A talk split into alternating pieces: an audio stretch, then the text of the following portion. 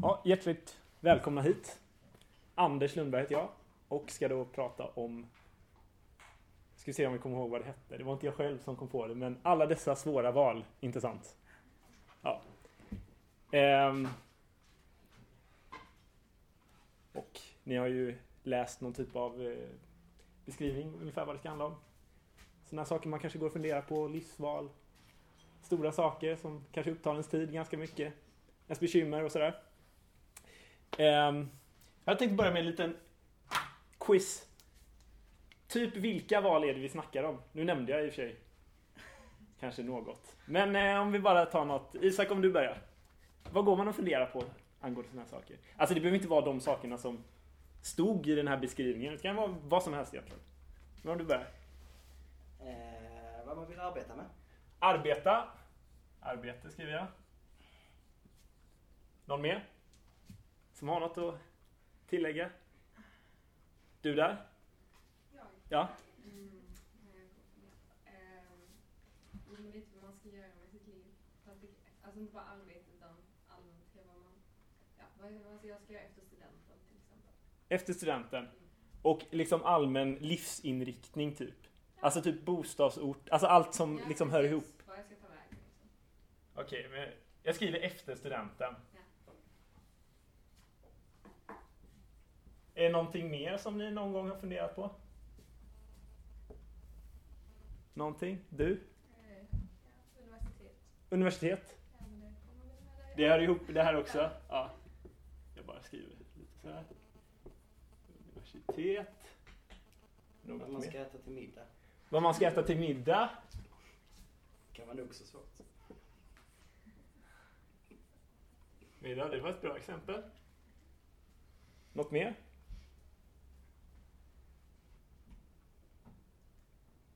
Inget. Det, det är det här vi... Det är i princip det här vi funderar på. Ja. Nej men typ framtiden, alltså med partner, alltså framtida man eller fru. Framtida man, fru. Slash fru skriver jag. Ja. Ett av de största besluten kanske man tar. Något mer? Hur man kommer att vara när man är gammal. Alltså hur man mår med hälsa och sånt. Hälsa. Just det.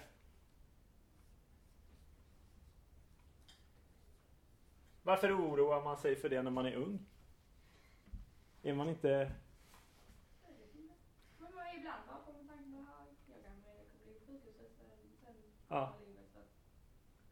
Nej. Någon som har något mer? Betty? Nej. Nej. Men det är en liten eh, samling här. Man, fru, middag, arbete efter studenten, hälsa, universitet. Ehm.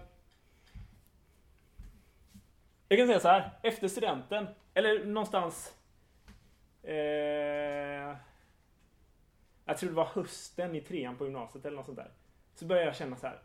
Verkligen stark Alltså jag vet inte, ångest kanske inte är rätt ord. Jag har jobbat på psyk i sommar och där har jag träffat människor som har ångest. Och jag kan säga det, så, så var det inte jag hade det. Men alltså en så här riktigt gnagande, konstant känsla av att Alltså jag måste göra någonting. Liksom. Alltså, nästan, ni vet så här, när man börjar tänka på det så andas man liksom en extra gång. Man liksom andas som vanligt. Och sen när man börjar tänka det, då liksom slänger man in en, dubb, en extra andning liksom. Alltså, så, alltså, liksom på den nivån. Alltså det kan komma lite så. Och då gjorde jag någonting. Det här är faktiskt första gången jag berättar det. Jag berättade det för min fru, Kristina. Också, men jag har inte sagt det till någon annan. Då, då, alltså, då kände jag så, så alltså sån, eh, jag liksom kunde känna en sån, ja, det var väldigt odefinierat, men jag kände att alltså, jag måste få ut det här på något sätt.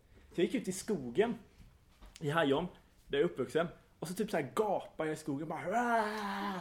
Så värsta. Alltså jag kände det var liksom så påtagligt, alltså ångest om man ska kalla det för. Som sagt, det var inte riktigt ångest, men kanske något liksom lätt ångest. Uh, Och egentligen så, nu i backspegeln kan jag tycka att det var så oerhört märkligt att jag gjorde så. För att jag är ju inte liksom säkrare på mig själv idag egentligen än vad jag var då. Jag kan fortfarande idag gå och liksom tänka ja, om fem år, ja, om tio år. Precis som jag gjorde då. Men eh,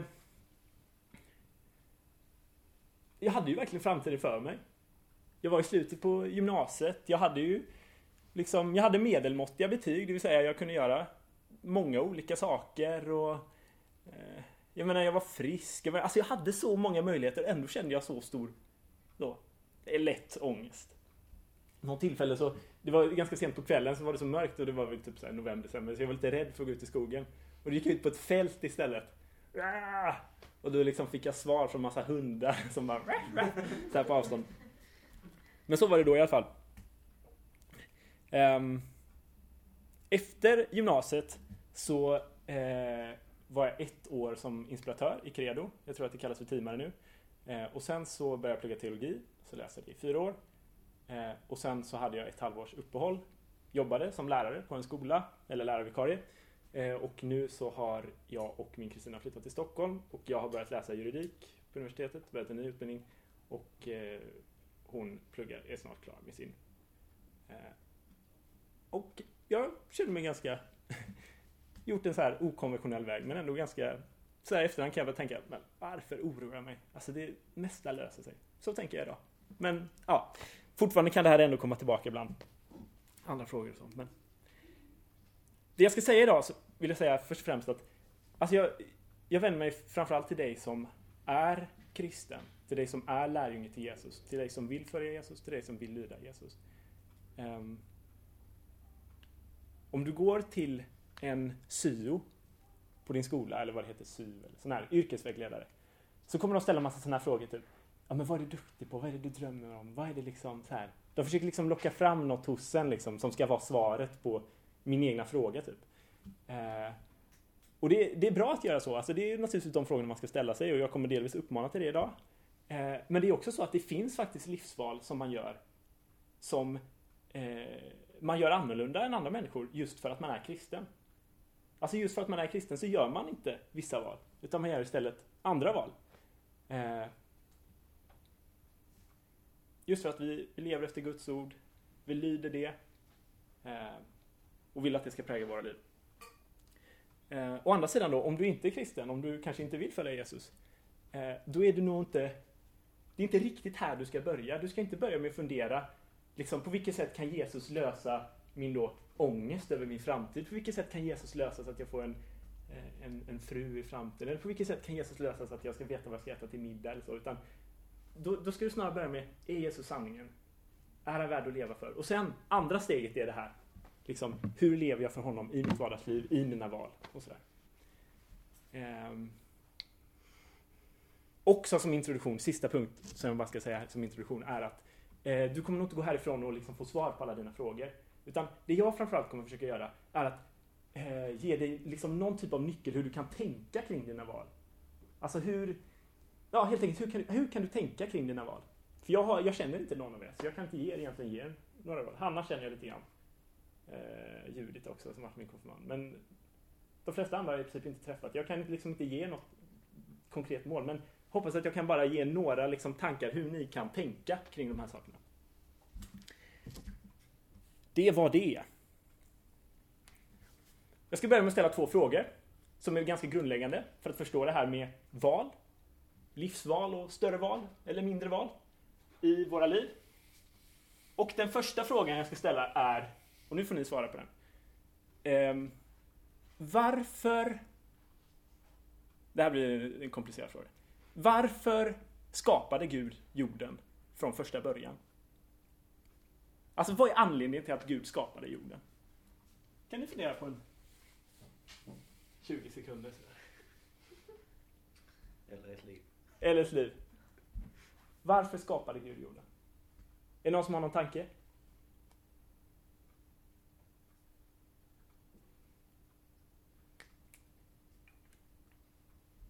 Det finns faktiskt inget svar i Bibeln. Man kan fundera, ah, Gud kanske tänkte det här, Gud tänkte, tänkte det här. Men det finns egentligen inget svar i Bibeln på den frågan.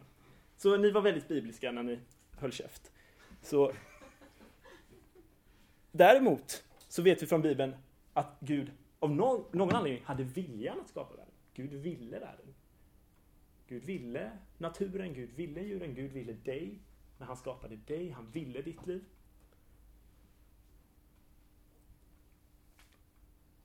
Nu ska jag ställa en till komplicerad fråga. Och den finns det svar på. Så nu vill jag ha någon typ av, av svar. Okej, det står inte varför Gud skapar världen. Men just nu när ändå världen finns, fyller den något syfte egentligen? Alltså vad finns den till för nu när den finns? Fattar ni skillnaden? Ni fattar inte riktigt skillnaden?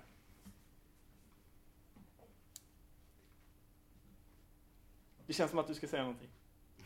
Men vänta, säg det igen. Ja, alltså vad finns världen till för? Alltså varför är vi här? Alltså vad fyller den för något syfte egentligen? Eller vad gör, alltså vad liksom, vad säger världen? Alltså, vad, det är komplicerade frågor kanske men. Um, finns den till för Gud på något sätt? Finns den till för oss på något sätt? Ah, det, jag svarade på frågan själv. Jag kan, Ja, säg. jag tänka att vi människor, jag tycker att vi människor vi finns lite så här till för varandra, för att vi ska liksom älska och ta hand om varandra. Så tänker jag lite. Ja, Att varför skapade eh, Gud så många människor? Det måste vara för att vi skulle liksom socialisera oss med varandra och liksom skapa relationer och så. ja. Då tänker jag. Ja. Läser man första Mosebok så står det aldrig explicit, men jag tycker att det är tydligt. Gud skapar världen. Han börjar liksom med jord och himmel och liksom formar alltihopa. Och sen så skapar han människorna. Och så gör han en trädgård åt människorna. Som vi ska leva i, liksom tillsammans. Jag tycker det är så oerhört tydligt här att Gud skapar en värld för oss. Och Gud ser på den och han säger att den är god. Och den liksom finns till för oss. Gud vill ha den åt oss. Naturligtvis. Det står att Gud vandrar omkring i trädgården och, och liksom eh, på något sätt Gud har gemenskap med människan. Eh, men jag skulle ändå säga det som första. Alltså världen, om man säger vilket syfte världen fyller, så kan man säga för oss människor. Alltså världen finns till för oss. För att vi ska kunna njuta av våra liv, för att vi ska kunna vara lyckliga i våra liv, för att vi ska kunna ha relationer, för att vi ska kunna skratta, alltså ha glädje liksom. Eh, en värld utan människor är svårt att tänka sig. Eh, I och för sig fin också, men det finns liksom ingen, finns ingen annan varelse än människan som skulle kunna njuta av världen. Djur har inget sånt stort intellektuellt, eller, eh, intellekt eller sån stor känsla så att de kan tänka på skönhet till exempel och, och liksom på något sätt tycka att det är vackert. Utan de är ju bara. Och det är i och för sig inte, det är inget fel med det men vi människor vi kan ju se världen, njuta av den på ett helt annat sätt.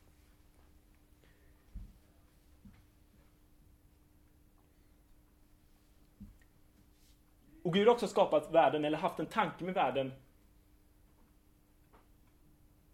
eh, som syftar till att världen ska vara så bra som möjligt också för oss människor. Han har insatt en massa ordningar. Han har gett oss eh, familjer som vi är i, som ska ge oss stöd, sammanhang. Eh, vi har fått föräldrar som ska uppfostra oss. Eh, och eh, vi har fått regeringar som ska ha arméer som kan skydda oss, som ska ge oss, kunna ge oss frihet i bästa fall. Gud har insatt till exempel en hustru åt männen eller en man åt kvinnorna. Du rycker på ögonbrynen, det låter kanske konstigt men Gud har liksom satt in olika ordningar i samhället för att ska göra samhället bättre. Gud har grundat en kyrka där vi har gemenskap med Gud. Alltså det finns en massa olika saker som Gud har satt i den här världen för att den här världen ska vara så bra som möjligt. Är ni med på det också? Ja.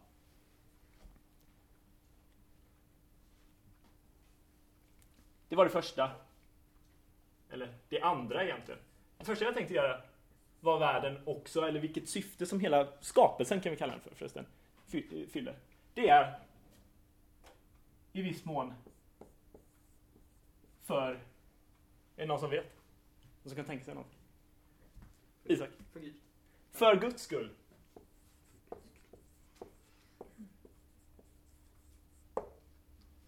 Alltså Gud han behöver ju inte någonting. Alltså han är ju evig, fullkomlig, perfekt. Gud behöver ingenting. Det fanns inget, Gud saknade ingenting innan han skapade världen. Men nu när världen ändå finns så fyller ju faktiskt världen det syfte att den vittnar om skaparen. Den ger, världen ger i någon mening Gud ära. Vi tittar på skapelsen och vi uppfylls med en tacksamhet. Wow, skaparen! Det vill säga, det finns någonting i världen som liksom riktar sig mot Gud.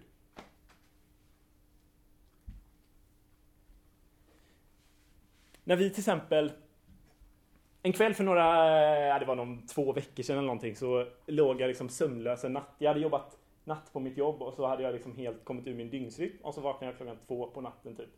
Och då var jag pigg. Det är så det funkar. Alltså, jag hade bara helt konstig dygnsrytm, så låg jag där bara helt vaken. Och min fru är väldigt lättväckt, så jag måste, jag måste lättväckt, så jag måste ligga liksom blickstilla typ. Så här i sängen. Och då, det enda man kan göra är ju att tänka, det, liksom, det finns ju inget annat att göra. Man kan liksom inte ens klia sig om man vill spendera tiden åt det. Men eh, så låg jag och tänkte så här, men vad kan vara mitt äldsta minne? Det är en sån här kul grej som man kan ligga och tänka på. Och det säger jag, jag är 25 år, alltså jag har glömt av massa saker från min barndom mot bara när jag var typ 16-17. Så tänk, tänk allt vad ni kan och sen skriv ner det och sen så titta på det om 10 år och så. Ja. Men i alla fall så, så kom jag i alla fall på att jag, jag har äldre minnen än så, men jag minns faktiskt från, jag minns från friidrotts-VM 95. Eh, att jag, jag, jag har ytterligare äldre minnen. Eh, men i alla fall, så, så minns jag att jag kollade på eh, Jonathan Edwards när han slog världsrekord i tresteg. Han gör det på ett sånt löjligt bra sätt. Alltså han, han har ju, tresteg är ju rent tekniskt en väldigt komplicerad sport. Alltså man, ja, den är komplicerad helt enkelt. Och han, han liksom slår världsrekord med, ja, jag vet inte, mycket. Och han gör det så snyggt och allting liksom. Och jag kommer ihåg att jag var så liksom fascinerad av det. Och eh, friidrotts-VM var i Göteborg och hela publiken liksom på Ullevi ställde sig upp och bara wow, fy vad häftigt, liksom, han är så cool. Han gör någonting som är fantastiskt, tekniskt svårt, slår ett världsrekord, tre steg längre än någon annan människa har gjort. Och alla jublar och liksom ger honom ära för det, för att prestationen är så fantastisk. Det är samma sak med världen eller skapelsen. Den ger Gud ära. Det säger någonting om vem Gud är.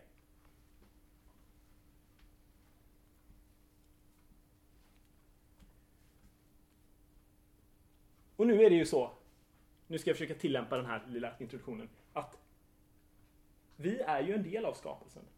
Om vi säger att skapelsen finns till för Guds skull, för att ge Gud ära. Om vi säger att skapelsen finns till för oss människors skull, för att vi ska kunna må bra, för att vi ska kunna njuta av livet här på jorden och så vidare. Och så, vidare.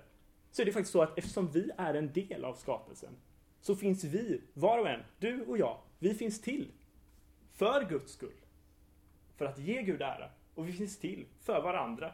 För att skapa bästa möjliga värld här på jorden. För att vi ska kunna må bra och njuta och så vidare. Sen är världen fallen och så vidare, men det är en annan femma. Men i utgångsläget. Och någonstans, här någonstans. Nu, nu är vi här någonstans. Då, i det här vad som är syftet med våra liv ytterst sett. Då kan vi skriva så här. Syftet med skapelsen. Eller, eller också våra liv, eftersom vi är en del av skapelsen. Någonstans här hamnar vi när det handlar om val. Vilka val man ska göra i livet. Och nu är jag väldigt okonkret, jag vet om det, men det är det, liksom det första när man tänker, vilka val ska jag göra i livet? Ja, vad, på vilket sätt kan jag välja så att det ger Gud ära? Så att mitt liv ger Gud ära och på något sätt säger någonting om Gud eller ärar Gud. Jag vet att det här inte är så konkret eller att det låter väldigt abstrakt, men ha med det från början i alla fall. Och på vilket sätt kan jag på något sätt välja val som hjälper andra människor? Som förbättrar den här världen? Alltså vi kan, ingen kan göra allting, men alla kan göra något. Som det så klassiskt heter, klyschan. Hur kan jag på något sätt göra något val eller i mitt val, som hjälper en människa, två människor, tio människor? Hur kan jag göra ett val som, liksom nu när jag ska välja, på vilket sätt kan jag liksom göra valet så att det säger någonting om Gud? Så att Gud på något sätt får ära. Jonathan Edwards för övrigt. Han är ju troende kristen. Och han var i tv-intervjuerna efteråt så var han så här så frågade de liksom hur känns det, hur känns det? Han liksom sa ja men det är fantastiskt, det är underbart och så vidare. Men allra mest jag är tacksam till Gud. Han gav mig sån här ben och han gav mig den här tekniken för att jag skulle kunna göra det på allra bästa sätt och jag ärar honom. Så där höll han på i TV i två dagar och så vidare. Och sen var det någon annan som såg världsrekorden. Liksom boostade sig själv. Men han boostade Gud. Um, så någonstans i det här är vi. Skap syfte med våra liv, för Guds skull, för oss människor. Och i det placerar vi in våra val. Um, om vi ska vara mer konkreta då. När gör vi val som ärar Gud och på något sätt gynnar oss, varandra? När sker detta? Ställer frågan. Och då ska jag säga tre saker.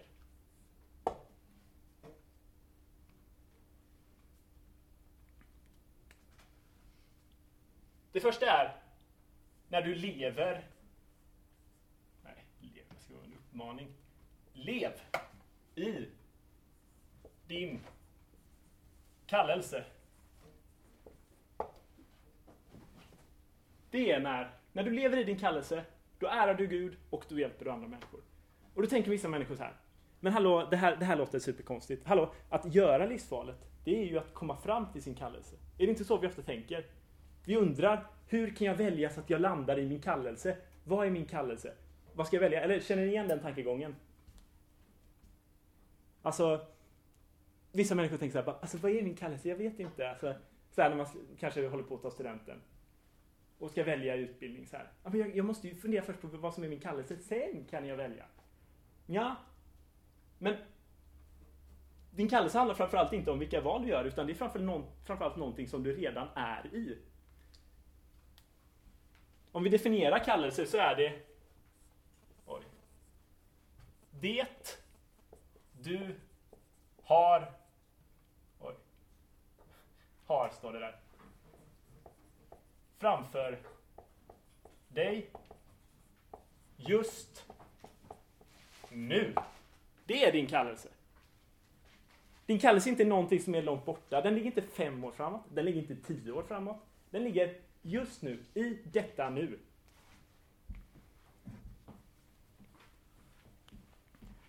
Um, och din kallelse, du har en, en grej i kallelsen är din plats som du har i samhället. De flesta av er, av er här är elever eller studenter, skulle jag tro. Du jobbar. Är det någon annan som jobbar? Du jobbar. Vad jobbar du med? Eh, personlig assistent. Och vad jobbar du med? Elevassistent också. Och du jobbar som? Informatör. Är det, vilka här går på gymnasiet? Eh, ja, du får inte vara med här. Nej, vad ska jag? Nej, men du är, då är du student. Eller alltså gymnasieelev blir det förresten.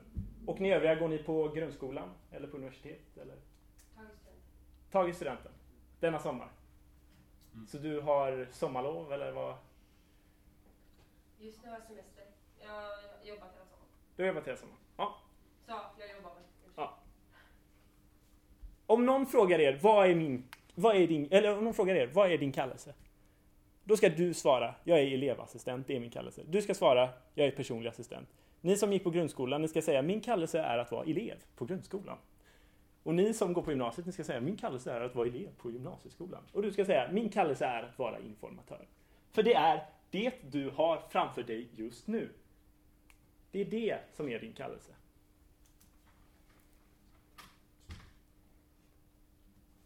Man har andra kallelser också. Det finns andra saker man har framför sig just nu än just det man gör. Man har sin familj till exempel. Man har kanske föräldrar. Man har kanske syskon. Man har morföräldrar, farföräldrar. Eh, man kanske har eh, någon, vad vet jag, fästmö. Det är också ens kallelse. Att vara vänner mot dem, att hjälpa dem, att liksom göra sitt bästa gentemot dem. Att visa dem kärlek, att hjälpa dem. Alltså jag menar, Gud har gett dig din familj. Nu ska du vara familj med dem. Det är också din kallelse. Sen är det också så att vi tillhör landet Sverige. De flesta är medlemmar i Sverige. Om inte alla. Är det någon här som har dubbelt medborgarskap på något sätt? Född utomlands? Nej. Ibland min kusin... Medborgarskap i himlen. Ja, medborgarskap i himlen. Det är bra. Min kusin Angelica, hon är född på Cypern. Och där eh, får man medlemskap om man föds där. Så hon har dubbelt medlemskap. Det kan vara lite så. Men i alla fall. Det innebär att vi får massa saker från vårt samhälle. Ni får gratis utbildning, för övrigt utbildning är inte gratis, det är någon annan som har betalat för den, nämligen skattepengar. Eh, ni får studiemedel när ni studerar från samhället. Ni får en massa sådana saker. Ni får skydd mot Ryssland. Eh, och så vidare. Ja, men det är faktiskt någonting som vi får. Nu, vet vi, nu kommer vi inte kunna försvara oss, men i, i teorin så är det så i alla fall. Men det är också så att vi förväntas ge någonting tillbaka. Det är inte så, bara så att vi bara kan ta emot. Jag har varit student i ganska många år. Jag kan inte bara ta emot studiemedel. Det är någon annan som har betalat det för mig.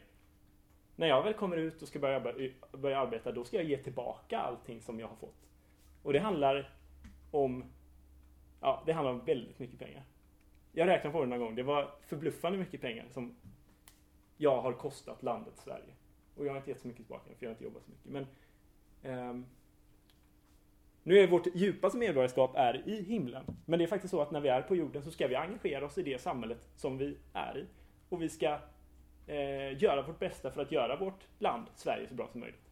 Och vi kan klaga mycket på vårt land. Tycka att det är saker som är dåligt och det är ofrihet, det är många olika saker och så vidare. Men det är faktiskt så. Vi ska göra vårt bästa i vårt land och försöka föra det i rätt riktning. Hjälpas åt. Um, det var den tredje saken jag sa, det här vad som är vår kallelse. Det finns en fjärde sak också. Och det är också vår församling. Det vill jag också lyfta fram. Om du läser i Bibeln så kommer du ha svårt att hitta bibelord som talar om gå i kyrkan varje söndag, engagera dig i en församling. Alltså det finns inte riktigt sådana bibelord. Eh, de finns inte där för att det förutsätts att man är med i en församling. Alltså det, liksom, det finns inte ens i frågan att man inte skulle vara med i en församling. I Nya Testamentet till exempel. Um, och är du, bor du på någon viss ort, ja, då är du med i den församlingen. Sen kanske du känner djupare gemenskap någon annanstans att du går där, ja men då är du med där. Men alltså poängen är, du är med i en församling. Och ni som är 19-plussare, ni lyssnade på Hasse eh, Andersson idag, jag tyckte han pratade så bra om det. Att eh, det, liksom, det finns ingen perfekt församling. Eh, man kanske når en gräns där det är, allting är piss och dåligt och det liksom, man får, har ingen position att själv kunna förändra det. Men i vilket fall så är det så att du har din församling, där ska du gå. Gör, gör ditt jobb, höll jag på att säga. Men alltså, ja. Gör ditt jobb där. Hjälp till. Be, fira gudstjänst. Hjälp till och försök förbättra den här församlingen så mycket som möjligt. Det är din kallelse. Så det första jag vill säga, när uppfyller vi de här syften med våra liv? För Guds skull, för, för oss människors skull, göra det så bra som möjligt för oss. Jo, det är när vi lever i vår kallelse. Lever i vår kallelse i det att vi gör vårt bästa i det vi har framför oss. I mitt fall, student. Jag ska göra så bra jag kan. Vi har olika förutsättningar, men jag ska göra så bra jag kan. När vi är i familjen, trofast mot vår familj, hjälper dem, tar hand om våra föräldrar när de blir gamla, precis som de tog hand om oss när vi var små. Att vi lyder våra föräldrar. Eh, samhället, att vi verkligen gör en insats i samhället. Att vi försöker inte, vi fuskar inte med skatten om vi är kristna. För det är en typ av, nu, nu lever vi i det här samhället, det finns det här skattesystemet, jag är själv kritisk till det här skattesystemet, men jag fuskar inte med skatten, för det är de reglerna som är. De här reglerna som finns, de, visst, jag kan tycka att de är dåliga, men de gynnar mig också. Jag är en del av det här samhället, jag har inget val. Eh, också det sista jag sa då, i vår församling, det tillhör också vår kallelse.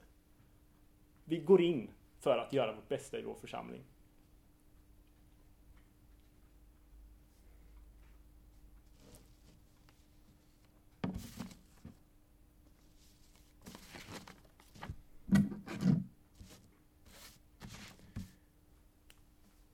Det var det första. När vi... Jag ska lägga till en sak. Bara för att trycka på det här att det som verkligen ligger framför oss. Nu ska jag, jag ska säga någonting utifrån ett bibelord som ni förmodligen aldrig hört någon predika utifrån. Och jag är inte säker på att ni någonsin kommer höra någon predika utifrån det. Så att nu är det viktigt att ni lyssnar noga för att det här, jag menar, det här är one, one life moment. Typ. Nej, det är inte riktigt. Men första Korinthierbrevet 7, kapitel 17. Nej, jag överdrev lite. Ni kanske har hört någon säga något utifrån det. Men i alla fall. Är det någon som vill läsa? Första Korinthierbrevet 7, vers 17.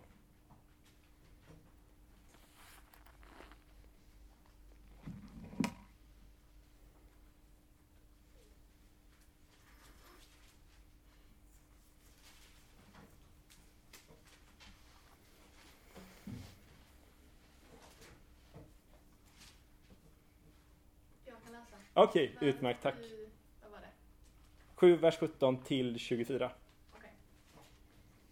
Eh, bara det vet vi, att var och en ska leva i den ställning som Herren har tilldelat honom, då Gud kallade honom. Detta föreskriver jag i alla församlingar. Blir någon kallad som omskuren ska han inte försöka att dölja det. Blir någon kallad som oomskuren ska han inte låta omskära sig.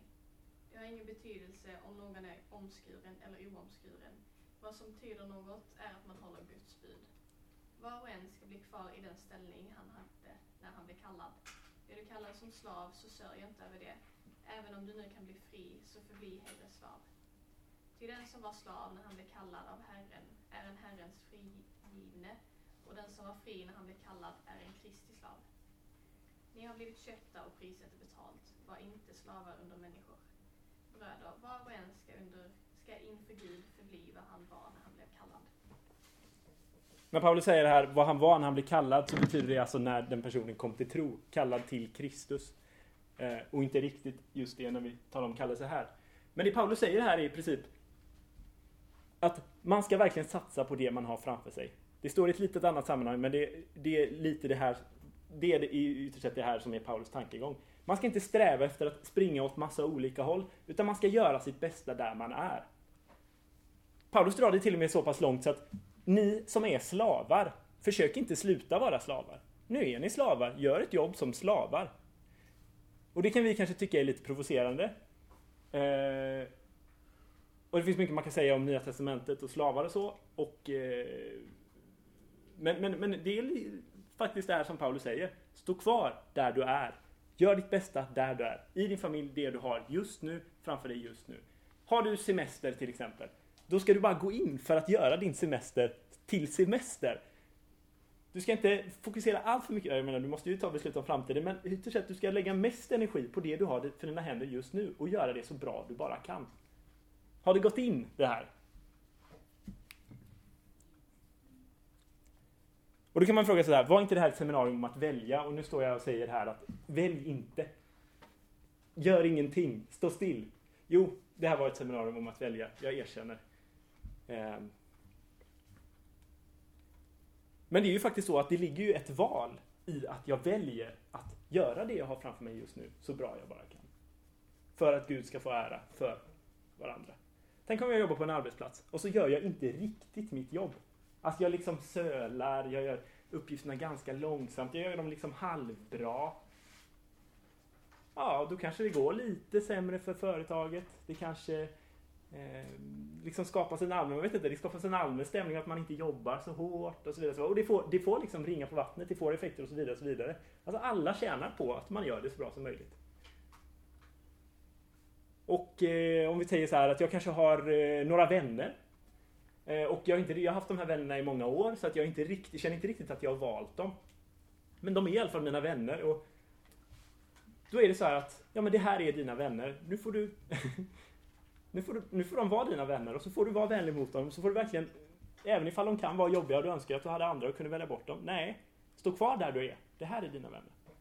Sen finns naturligtvis en gräns i allt det här. Till exempel det Hasse sa, det finns en gräns för hur länge man stannar kvar i en församling som inte är bra. Men ytterst sett, man stannar kvar. Och det ligger ett val i det. Det andra jag ska säga är, när, angående när vi uppfyller syftet med våra liv, att ge Gud ära, att finnas till för varandra, så är det också när vi fördjupa, ska vi fortsätta det där, din relation till eller med Gud. Vad säger man? Till Gud, skriver jag. Det här är, det, det är faktiskt det viktigaste i livet. Alltså Gud. För Guds skull. Alltså låt veckan, alltså nu om man är rent praktisk liksom. Rama in veckan med att gå till kyrkan varje söndag. Eller till ungdomsgrupp på tisdag, onsdag, fredag eller när det nu är. Eh, nackdelen till att bara gå i ungdomsgrupp är att man firar oftast inte mässa där och, eller nattvard och det får man ju för man går på söndagar. Men alltså Gör det. Alltså, det är oerhört viktigt att vår tro inte bara blir en privatsak, någonting jag har för mig själv och som jag inte delar med andra, till exempel i en församling. Utan Jag delar den i den kristna gemenskapen. Det andra i det här, att fördjupa din relation till Gud, det är att vi lyder Guds ord. Alltså att vi lever i Guds ord, låter det prägla våra liv, finnas med oss, att vi lyder Guds ord, omsätter det i praktiken. Och det är väl kanske något av det som vi tycker är riktigt jobbigt och som, som, ja, som vi ofta tycker är riktigt jobbigt. Men istället för att fråga, ibland när det finns, ibland finns det ändå tydlig kristlig undervisning hur man ska göra, liksom på ett visst sätt. Det står tydligt i, i Bibeln eller i någon utläggning liksom. Fråga inte varför. Fråga inte varför du ska göra på det här sättet. Utan tänk så här, jag är kristen, nu lyder jag. Och då lovar jag dig, då kommer du fatta varför. Det är så. Lyd först, fråga sen. Och be naturligtvis. Jag behöver inte säga så mycket om det, mer om bön och att lyda Guds ord och så vidare. Men eh, Det är också så att har vi en nära relation med Gud så är vi till välsignelse för andra människor. Delar vi gemenskapen med Gud så präglas vi också av honom och har kraft att vara kärleksfulla mot andra människor. Vi har inte kraft att vara det i oss själva, men Gud kan hjälpa oss. På så sätt skapas bättre relation med andra människor och vår värld blir bättre. Nu innebär inte det alltid att kristna är godare människor, men kristna skulle kunna vara godare människor.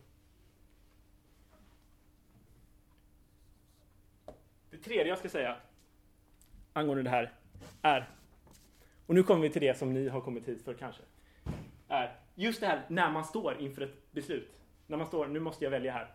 Nu har jag tagit studenten eller nu eh, liksom börjar jag känna att det är dags att börja studera någonting. Liksom. Nu står jag ändå inför ett val av något slag. Och då skulle jag säga så här. Välj vad du vill. Välj precis vad du vill. Och jag skulle nästan säga, alltså, fråga, alltså nu överdriver jag verkligen, men alltså fråga inte Gud vad Gud vill. Åh, du rynkar på pannan, du tycker det här låter så konstigt. Nej, jag tycker inte det är så konstigt, jag bara är bekymrad. Bekymrad? För att du känner att du inte vet själv vad du vill? Nej, jag, jag vill att han ger mig så strikta... Ja. Vi kan, kan inte vi komma tillbaka till det? För det, det, det är inte bara fördelar med det heller. Men jag ska bara säga det här jag ska säga först. Alltså, välj vad du vill. För att, och, och fråga inte främst Gud vad han vill, utan välj vad du vill. Varför då? Jo, det är så här. I saker som rör vår frälsning, vår själsfrälsning, vår relation med Jesus, att vi kommer till himlen så småningom, så har vi ingen frihet överhuvudtaget egentligen. Alltså det är Gud som drar i oss, det är Gud som kallar i oss, det är Gud som uppväcker tron i våra hjärtan genom den helige Ande. Alltså det är verkligen Guds verk. Vi kan kämpa emot, vi kan säga nej, men vi kan i princip inte säga ja, utan det är liksom vår frälsning, det är helt och hållet Guds verk i oss. Och det kanske ni har hört många gånger, men det kan man påminna sig om. Um, det är också Gud som faktiskt, det är inte vi, utan det är Gud som helgar oss, som gör oss mer lika Jesus. Det är Gud som gör allt det här i oss. Och vi har, på ett sätt har vi ingen frihet. Vi kan säga nej, men vi kan egentligen inte säga ja. Vi, vi är egentligen väldigt... Det är, det är liksom bara att ta emot som en gåva. Däremot så brukar har man brukat tänka i alla fall att vad det gäller yttre saker som inte har med vår frälsning att göra, saker som är oväsentliga. No offense, men alltså middag. Ja, eh, tandkräm, eh, liksom vilket, vilken sport jag ska träna eller alltså vilken bil jag ska ha. Alltså må, väldigt många saker har ju inte betydelse för vår frälsning. Det är inte som att man går och köper en Mazda och så bara pling liksom i helgelse. Det är ju inte så. Alltså det har ju ingen direkt koppling i alla fall. Utan vi har de här, om man säger yttre tingen kan vi kalla för, eller andra sakerna som i princip är allt. Alltså vi har verkligen frihet där att göra som vi vill. Huvudsaken där, för Gud, tror jag, om jag får uttala mig och hans vägnar, det är att vi gör de här valen eh, ändå med en önskan att behaga honom. Alltså vi har frihet att välja som vi vill, men vi gör dem med en önskan att, att Gud ändå ska bli ärad genom detta. Att jag ska kunna hjälpa andra människor. Ehm, jag kanske väljer att köpa en billigare bil för att ge bort mina pengar eller jag väljer att köpa en dyrare bil för att ha plats med människor som... Alltså jag menar, ni fattar vad jag menar. Jag gör inte alla de här sakerna för mig själv utan jag gör dem för andra. Ehm, Ja, behöver inte ha fler exempel där egentligen men... Och också att du inser att, att Gud kan verkligen fostra dig. Gud kan helga dig genom alla, alla de här sakerna. Um, som jag sa innan så läste jag, efter att jag var inspiratör i Credo, så läste jag teologi i fyra år. Mitt mål var att bli präst. Eh, och jag blev antagen präst och så vidare. Men jag hade lite, några olika saker som gjorde att jag ändå inte ville bli det. Nu i somras så pressvigdes flera av mina vänner som jag hade studerat med och jag var väldigt glad för deras skull och sådär. Men jag har liksom kommit fram till då, framförallt liksom när det börjar bli liksom, vad ska man säga, skarpt läge att nej, det är inte den vägen jag ska gå. Eh, det är liksom, jag, jag ville inte helt enkelt. Det var där någonstans det landade. Det var liksom inget superdramatiskt, men det var, det var i alla fall så. Och då har jag tänkt så här i efterhand, alltså shit vilket slöseri. Här har jag hållit på att studera i massa år och väldigt många saker kommer jag inte ens ihåg. Alltså jag har i princip bara suttit där i massa år och bara Ja, det är klart att jag har gjort någonting. Men jag menar, alltså rent kunskapsmässigt så liksom Alltså nästan varit lite så här uppgiven ibland. Att varför, varför läste jag så länge? Visst, teologi är kul, men jag hade ju kunnat läsa tre år. Eller två år. Alltså jag menar, jag hade inte behövt läsa fyra år. Jag kan tänka, varför gjorde jag ett sånt dumt val? Eh, varför sa inte Gud till, liksom? Varför stoppar han mig inte? Nej, jag tror att Gud ger oss den friheten att välja de sakerna. Sen så använder han sig av våra val för att fostra oss och för att lära oss någonting. Det är också så, nu i efterhand när jag läst de här fyra åren och börjar göra någonting annat, att jag inser att men Gud använder mig ändå den här tiden till att göra någonting riktigt bra. Jag träffade de här människorna och de har präglat mig på ett visst sätt. Jag mötte alla de här åsikterna. Jag menar, fyra års teologistudier, man går igenom i princip, ja, du hinner tvivla på allt inom din tro. Jag skämtar inte, du hinner tvivla på allting. Ehm, och det är ganska bra att ha gått igenom det. Jag rekommenderar inte någon att gå igenom det och det finns absolut inget behov av att göra det. Alltså, kristen tro är sann ändå utan att man behöver tvivla på allting. Men det är ganska bra att ha gjort det, kan jag tycka. Alltså för mig, jag säger inte som sagt att ni ska göra det, men Gud, det, det jag känner i alla fall, även ifall jag kan tycka att ah, det var ett fel beslut, Gud borde ha stoppat mig och så vidare, så inser jag bara efter att Gud har använt det här för att fostra mig, för att lära mig någonting. Dels också för att uppmuntra mig. som jag sa, huvudsaken är att när du väl använder den här friheten, att du gör det och bara, nej men gud, liksom använd det här. Och det kan man göra hela tiden. Jag menar om man eh, lagar mat liksom, jag menar gud, lär mig någonting.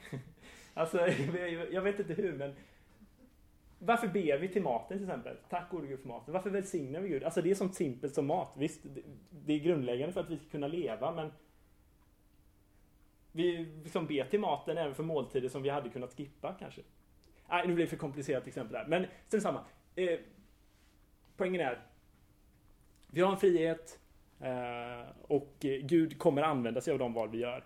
Eh, och sen är det också så, det här är bara liksom ytterligare en aspekt på alltihop. Gud har ju faktiskt skapat dig. Han har gett dig vissa drömmar, han har gett dig vissa intressen, han har gett dig vissa saker som du liksom blir lite extra levande över saker som gör dig lite extra glad.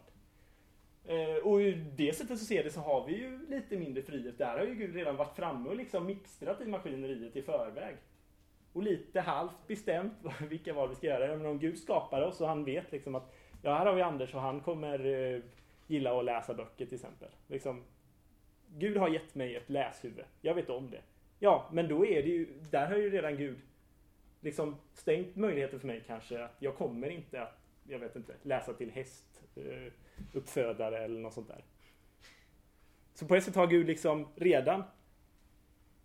Och det är ju därför som de här syofrågorna då man får från studievägledaren kanske är ganska bra ändå. Alltså det som den här studievägledaren vill ha fram är ju utsett vem du är. Alltså det som Gud har lagt ner i dig. De drömmar du har. De känslor du har inför olika saker och sådär. Um, ytterligare en aspekt som inte, ja, också jag bara liksom går runt det här ämnet, massa olika saker. Det är också så att även om vi har frihet att göra vad vi vill så finns det som sagt saker där vi, där vi faktiskt kan välja fel. Eh, man kan ju välja att bli knarksmugglare till exempel. Nej, inte bra. Godkänns inte bara för att vi har frihet att göra vad vi vill. Det finns andra problem. Eh, Paulus säger, gå inte i ok med otroende på lite så här högtidligt språk angående äktenskapet. Det vill säga, bli inte samman, säger vi gifter med någon som inte är kristen. Um, och sen är det ytterligare en aspekt på allt det här. Ibland kanske... Eh, alltså, eh, alltså att vi kan välja vad vi vill är ju att, eh, innebär ju också att det finns egentligen inga saker som är mer eller mindre kristna. Alltså det kan vi bara göra upp med en gång för alla. Alltså det är inte mer kristet att vara präst än att vara städare eller att vara jag vet inte vad. Alltså det är verkligen inte mer kristet. Alltså det finns präster som inte är kristna. Jag lovar det. det låter konstigt. Men det är faktiskt så. Alltså det, det är skitsamma egentligen. Jag, jag, jag, lite så kan jag, ibland när vi håller på att bekymra oss hemskt mycket om våra framtider och så vidare. Så kan jag, ibland så undrar jag om inte Gud tänker, men skitsamma. Gör något bara. Nej men inte, inte lite så. Alltså Gud har ju kärlek till oss och vill bästa för oss. Men det är verkligen så, det finns inte mer eller mindre kristna yrken. Det fanns en eh, missionär på 1900-talet, han eh, eh, missionerade ut i Östeuropa när det var kommunistiskt. och det var förbjudet att ha biblar och samlas och träffas och ha gudstjänst och sådär. Han hette broder, broder Andrew. eller något. Ja, det är en engelskifiering av hans namn. Han var egentligen holländare. Han hette väl något sånt här Andrejusk eller något i den stilen och han jobbade i 15 år som diskare på en restaurang. Och han skriver i en av sina böcker att det här var liksom den högsta himmelska kallelsen han någonsin hade kunnat få ha. Tänk att han kan få vara där och diska. Tänk att han kan få göra det så fint. Han kan göra de här tallrikarna så vita och rena. Och tänk vilket bra jobb han gör. Tänk om de inte var rena, då hade alla gäster blivit sura och så hade inte restaurangen fått några gäster. Eh, och så hade han fått läggas ner. Tänk vilken himmelsk kallelse, 15 år som diskare på en restaurang i Holland. Sen finns det ett mysterium i allt det här också. Som jag sa. Alltså Gud har ändå lagt ner saker i oss. Gud, oh, det är också så att Gud är ju allsmäktig. Han är ju allmäktig. Han, har, han är totalt suverän. Ingen kan inskränka liksom, på hans makt. I någon mening så styr han ju också världen dit han vill. Um, och därför ska man inte vara stängd för att Gud kan göra himmelska ingripanden och säga till en, bli det här. Men grundregeln, välj vad du vill.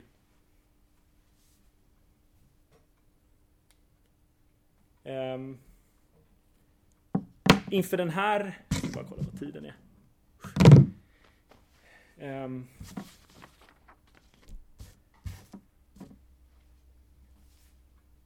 inför den här eh, sommaren... Ah, jag struntar i det förresten. Jag ska börja någon lång historia men... Jo, det kan jag säga förresten angående man hustru. Säga något personligt. Jag brukar tänka så här om min hustru Kristina. Att jag valde aldrig henne. Många vet, tror jag, är sån här att ni liksom tänker, ah, men hur ska min framtida tjej liksom, ni, ni har så här, min framtida drömprins typ kanske, nej jag vet inte, jag bara. Så skriver ni med en massa egenskaper, han ska vara snäll, han ska vara ödmjuk, han ska vara snygg, han ska spela gitarr och så vidare. Och, så vidare. Eh, och, eh, och så tänker ni så här, ja, men när jag hittar liksom den som uppfyller alla de här kriterierna, ja men då väljer jag den. Ungefär. Alltså något i den riktningen. Ja men det måste klicka också såklart. Men jag menar, alltså i princip jag väljer honom. Och ni killar, ni kanske är med så här, ja men det ska vara, hon ska vara snygg, hon ska vara moderlig, hon ska kunna ta hand om barnen. Nej jag vet inte. Men eh, nej, jag, jag skojar bara. Nej jag vet inte hur ni tänker. Ni, ni gör inte listor, det är tjejer som gör listor. Men, men jag brukar tänka så här, jag var, vad sa du? Va? Nej men det är strunt samma. Men alltså faktum är att jag brukar tänka så här, jag valde inte Kristina. Utan vi, vi gjorde det vi skulle. Vi var studenter. Och sen så träffade vi varandra i sammanhang. Vi hade gemensamma vänner. Vi började prata. Vi märkte att vi trivdes. Vi märkte att vi gillade varandra. Jag märkte på henne att hon gillade mig. Och att hon märkte, jag märkte också att hon märkte att jag märkte att hon, alltså ni fattar. Alltså ömsesidigt. Eh, och hon märkte då att jag märkte att hon gillade henne. Alltså, alltså vi fattade att vi, ja, ni vet. Och då är frågan så här, hur stort är steget för oss egentligen att börja träffas och sedan bli tillsammans. Alltså det är egentligen väldigt lågt i en sån situation. Sen finns det ju liksom, eh, ja kanske, ja, nej men alltså det, det finns ju också sådana som liksom verkligen hittar sin drömtjej och som liksom försöker göra henne uppmärksamma på det i ett antal olika år. Men liksom kom igen nu, det är verkligen vi och liksom få kämpa för det. Och all heder till dem. Men, men alltså jag valde inte henne. Och då tänker jag så här, men Gud valde henne åt mig. Så kan det faktiskt vara. Eh, och innan hade jag tänkt, men vilken, vilken kvinna ska jag bli tillsammans med? Vilken kvinna ska jag gifta mig med? Och så när jag väl hamnade i den situationen så valde jag knappt. Utan det liksom bara blev. Så kan det vara också. Man kan känna ångest inför ett val som inte ens så småningom kommer bli ett val. Eh, nu ska ni strax gå om fem minuter. Men jag hinner säga någonting mer. Eh, ja, och då tänker jag så här, men shit, vad mycket jag oroat mig för i onödan. Jesus har sagt i evangeliet till mig. Alltså, gör inte bekymmer för någonting. Titta på fåglarna, titta på eh, djur och natur. Alltså, de bekymrar inte för någonting. Allt bara händer. Och det säger Jesus till oss också. Bekymra er inte för någonting.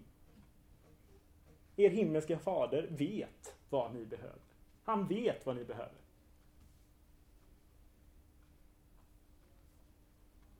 Och man vet, vi vet ju inte själva vad vi behöver. Alltså vad vi egentligen behöver. Alltså ibland så har man gått och tänkt åh det där vill jag ha, åh det där vill jag ha. Och så när man får, så när man får det så blir det liksom inte speciellt längre. Eller så har man gått och tänkt åh det där vill jag ha, åh det där vill jag ha. Och så har man inte fått det. Och sen flera år efter så tänker man varför gick jag och tänkte att jag ville ha det där? En hund eller vad det än är. Jag är inte intresserad av hundar. Kan man tänka efter. Fy vad jobbigt hade jag haft en hund. Jag har haft en hund. Fy vad skönt att jag slapp hunden. Eller tvärtom om man, jag gillar hundar men Eh, så ibland så, ja Vi komplicerar det lite grann för mycket. Det finns viktigare saker också än att bara gå och bekymra sig. Eh, du sa så här, ja, men kan inte Gud bara säga exakt vad jag ska bli? Liksom? Det vore mycket lättare. Jag tror så här. Ifall vi hade sett, ett, om vi kallar det för en exakt eh, kallelse, eller vad man ska säga. Du ska i framtiden bli missionär i eh, Madagaskar. Eller du ska i framtiden jobba som ingenjör i München, till exempel. Säg att man fick den kallelsen. Inte helt otroligt. Vissa av oss kanske kommer jobba som ingenjörer i München. Eftersom det finns väldigt många företag där. Och väldigt många ingenjörer. I alla fall. Eh, hur, alltså, vissa tycker att det skulle vara skönt. Men det finns också väldigt stora problem med att få sådana exakta liksom, direktiv från Gud. Dels så är det så att varenda grej som dyker upp i ditt liv som på något sätt kan förhindra detta. Till exempel du träffar någon person som inte kan tyska och som hatar Tyskland. Som aldrig skulle kunna tänka sig att lyssna på läderhosen musik. Ja, då blir den personen ett problem. Du är ju liksom kär i den här tjejen och så vidare. Men, men hon vill ju aldrig följa med till Tyskland. Och du vet, du har en kallelse, du ska vara ingenjör i München, det har Gud sagt liksom. Ja, då får du liksom droppa henne. Hur lätt är det? Eller eh, du kanske inte kommer in på den utbildningen som, du kanske inte kommer in på ingenjörsutbildningen, du kanske har för dåliga betyg. Så du får läsa upp dina betyg och det tar fyra år. Hur kul är det på en skala? Det är inte alltid lättare att ha, exakta kallelser. Och jag tänker ofta så här. Jag tror att människor som har exakta kallelser, det är min känsla i alla fall av vänner och så vidare som säger att, att de verkligen, ja de upplever att Gud vill att de ska vara på någon viss plats. Kanske sådär. Jag upplever ibland att de människorna blir nästan frestade mer. Det är nästan jobbar, jobbigare för dem.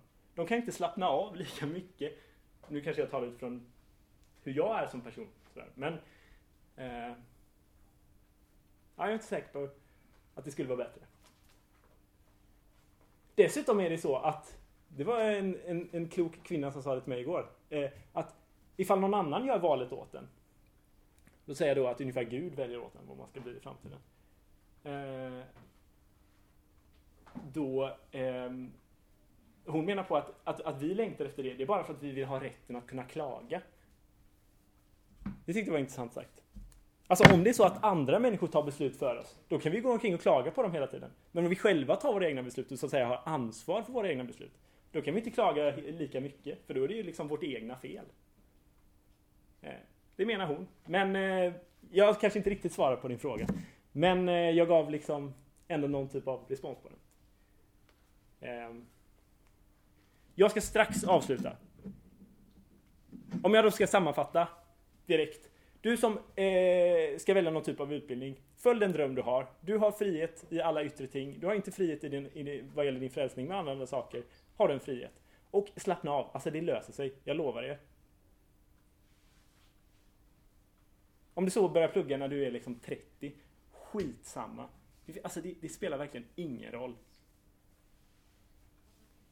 Tror ni mig? Eller tror ni mig inte? Eller så börjar jag plugga direkt. Bara, bara börja på någonting. Och så gör ert bästa och så kanske det blir kul och så blir ni kanske duktiga på det. Um,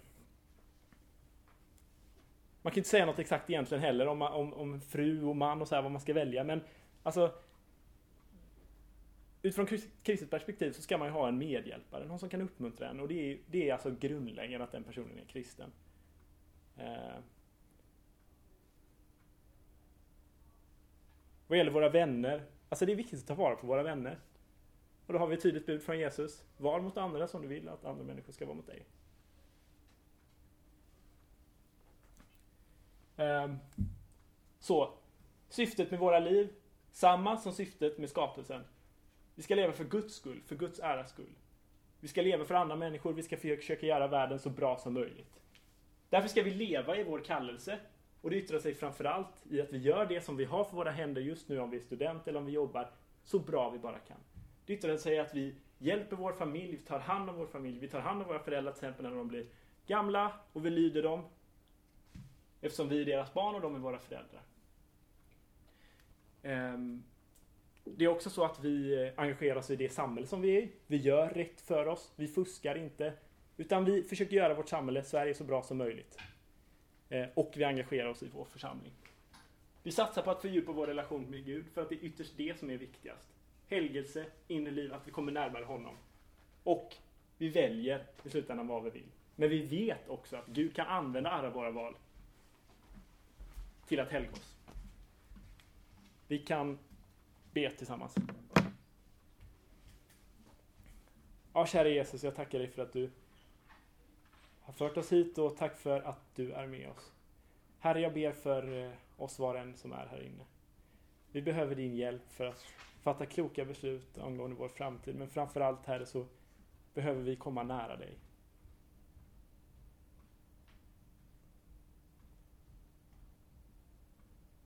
I Jesu namn. Amen.